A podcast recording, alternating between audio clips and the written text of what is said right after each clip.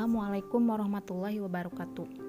Saya Mutia Nur Anissa, mahasiswi BKI kelas 6C. Di sini saya akan menjelaskan tentang buku yang telah saya baca yang berjudul Menikmati Hidup Bukan Hanya Mimpi. Pengarang buku ini adalah Uril Bahrudin. Di sini ada beberapa sub. Yang pertama, bersama Allah kita menjadi kuat. Yang kedua, kenikmatan itu akan ditanyakan yang ketiga, kenali diri. Yang keempat, ucapan yang baik. Yang kelima, birul waliden. Yang keenam, hidup bersama masyarakat. Baik, langsung saja pada poin yang pertama, yaitu bersama Allah kita menjadi kuat.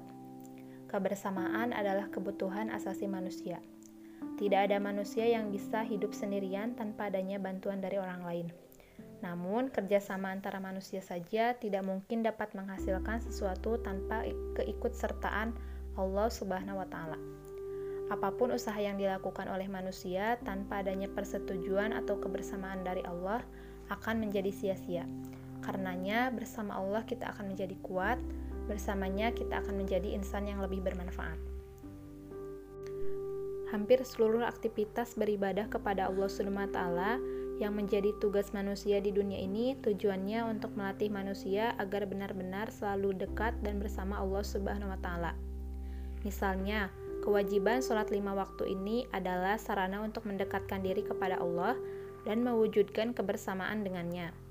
Hal ini diharapkan agar manusia tidak putus dari pengawasannya, selalu merasakan kebersamaan dengan Allah Subhanahu wa taala. Semakin, pandai manusia menjalin kebersamaan dengan Allah, maka di sanalah letak kemuliaan manusia. Allah telah menegaskan bahwa manusia yang paling mulia di sisinya adalah yang paling bertakwa. Semakin tinggi ketakwaan seseorang, maka semakin tinggi pula tingkat kemuliaannya di sisi Allah. Dengan takwa, manusia akan menjadi kuat. Dengan takwa pula, manusia akan mampu menyelesaikan segala persoalan hidup Inti dari ketakwaan itu adalah menghadirkan Allah dalam setiap aktivitas kita. Yang kedua yaitu kenikmatan itu akan ditanyakan. Nikmat bisa berubah menjadi ajab dan bencana. Kemenangan bisa berubah menjadi kekalahan, kegembiraan bisa berubah menjadi kesedihan apabila kita mengandung murka Allah. Oleh sebab itu, bila kita diberikan kesehatan, kepandaian, kemudahan, kelapangan, maka kita harus mensyukuri dan mengamalkannya Jangan berbuat sesuatu yang mengandung murka Allah yang akan mengakibatkan nikmat yang kita peroleh berubah menjadi azab atau bencana. Allah akan menanyakan atas kenikmatan yang sudah kita peroleh. Bagaimana cara kita memperolehnya? Bagaimana cara memanfaatkannya? Apakah jawaban yang akan kita sampaikan di hadapannya? Apabila kita dapat membayangkan pertanyaan itu, tentu kita akan selalu berhati-hati dalam memperoleh nikmat Syukur nikmat itu dilakukan dengan cara menggunakan nikmat itu sesuai dengan fungsi yang sebenarnya. Manusia, manusia telah dimuliakan oleh Allah dengan nikmat akal yang harus dipupuk dengan berbagai macam ilmu pengetahuan. Jika tidak digunakan dengan sebenar, sebenarnya, maka berarti tidak mensyukuri nikmat akal dan begitu pun contoh yang lainnya. Poin selanjutnya yaitu yang ketiga, kenali diri. Keahlian itu erat kaitannya dengan potensi diri. Untuk menjadi orang yang ahli di bidang tertentu, seseorang harus memiliki potensi, maka mengenalilah potensi diri sendiri untuk kemudian dikembangkan hingga menjadi keahlian adalah sebuah keniscayaan. Allah telah menciptakan manusia dalam bentuk yang sebaik-baiknya. Di antaranya telah dibekali dengan berbagai potensi yang tentu ada yang menonjol dan paling disukai. Sehingga biasanya memungkinkan untuk bisa dikembangkan dengan dipupuk dan diasah terus-menerus sehingga akan menjadi suatu keahlian. Contohnya, tidak ada orang yang ingin bisa berenang hanya dengan mencari teori renang saja. Tidak ada pula orang yang ingin menjadi orator hanya dengan mempelajari teknik pidato. Yang ada adalah menceburkan diri ke dalam air bagi orang yang bagi orang yang ingin bisa berenang dan mencoba tampil di depan umum bagi orang yang ingin menjadi orator. Jadi, pada dasarnya tidak ada yang instan, semuanya butuh proses. Begitupun dengan potensi, yaitu perlu dikembangkan dan terus dipupuk, serta diasah dengan berbagai pengetahuan dan ilmu yang telah kita miliki agar menjadi suatu keahlian. Yang selanjutnya yaitu yang keempat, ucapan yang baik. Berpikir sebelum berucap, Itulah yang biasa dilakukan oleh orang yang bijaksana, yang sejatinya akan berkata, "Hati-hati dengan kata-kata, karena perkataan adalah doa."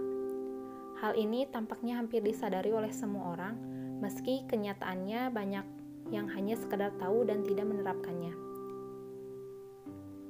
Banyak orang yang memuji orang lain karena perkataannya, begitupun sebaliknya, banyak orang yang menghina orang lain karena perkataannya pula. Banyak persahabatan terjalin karena ucapan yang baik dan sangat menyentuh hati, namun tidak sedikit persahabatan putus hanya karena secuil kalimat yang menyakitkan. Betapa indahnya apabila kita selalu mengucapkan kata-kata yang baik. Betapa mulianya orang-orang yang setiap ucapannya menjadi sedekah bagi mereka. Karena memang ucapan yang baik itu adalah sedekah.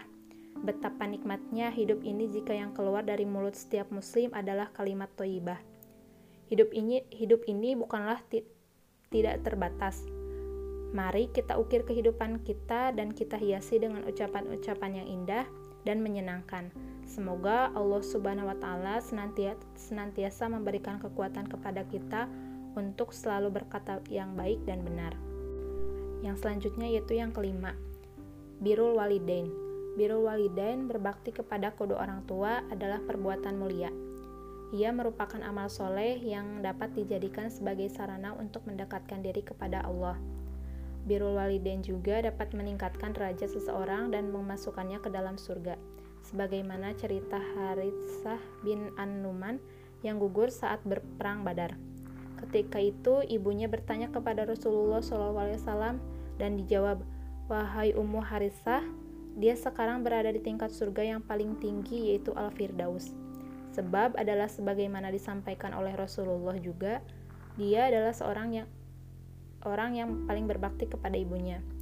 Begitulah keutamaan orang yang berbakti dan berbuat baik kepada orang tuanya, sehingga semua sahabat selalu berlomba-lomba untuk melakukan birul walidain. Berbakti kepada orang tua juga bisa menjadi sarana untuk mendekatkan diri kepada Allah, dapat dijadikan wasilah dalam berdoa kepada Allah agar bisa menemukan jalan keluar dari permasalahan yang sedang kita hadapi. Yang terakhir yaitu poin yang keenam, hidup bersama masyarakat. Disadari atau tidak, manusia adalah makhluk sosial yang membutuhkan orang lain dan dibutuhkan oleh orang lain dalam kehidupan. Akal adalah alat yang diciptakan oleh Tuhan yang Maha Pencipta untuk kita survive dalam hidup, untuk berpikir bagaimana cara berkomunikasi, dan untuk melanjutkan hidup dengan sesama dan alam. Tidak ada kesuksesan yang dia peroleh tanpa keterlibatan orang lain. Oleh karena itu, kesuksesan dalam hidup manusia ini berbanding lurus dengan kesuksesan hubungan sosial antar sesama manusia. Itulah makna dari Robutul Am, yaitu adanya hubungan sosial yang kuat antara seorang muslim dan masyarakat, hingga masyarakat menjadi simpati sehingga mau memberikan dukungan dan pembelaan kepada Islam. Masyarakat itu pasti memiliki keberagaman. Dalam keragaman itu pasti memiliki banyak kelebihan dan keunggulan. Kita harus mengakui seluruh nilai-nilai positif yang sudah dikembangkan di masyarakat kemudian merajut nilai-nilai tersebut untuk kebaikan bersama. E, setelah buku ini saya baca, kaitannya dengan karir dan inspirasi bagi saya untuk ke depannya adalah apabila kita ingin menikmati dan meraih kesuksesan karir yang kita sampaikan, maka yang pertama dengan cara mendekatkan diri kepada Allah, usaha diiringi dengan doa, mengenali potensi yang ada pada diri kita dengan cara mengembangkan dan mendalami bidang yang kita inginkan, agar mencapai hasil yang maksimal. Berbakti kepada orang tua ini sangat penting karena ridho Allah adalah ridho orang tua. Selalu ada orang selalu ada doa orang tua di balik kesuksesan anaknya. Kemudian berbaik, berbuat baik kepada masyarakat karena kita tidak bisa sukses tanpa bantuan dari mereka.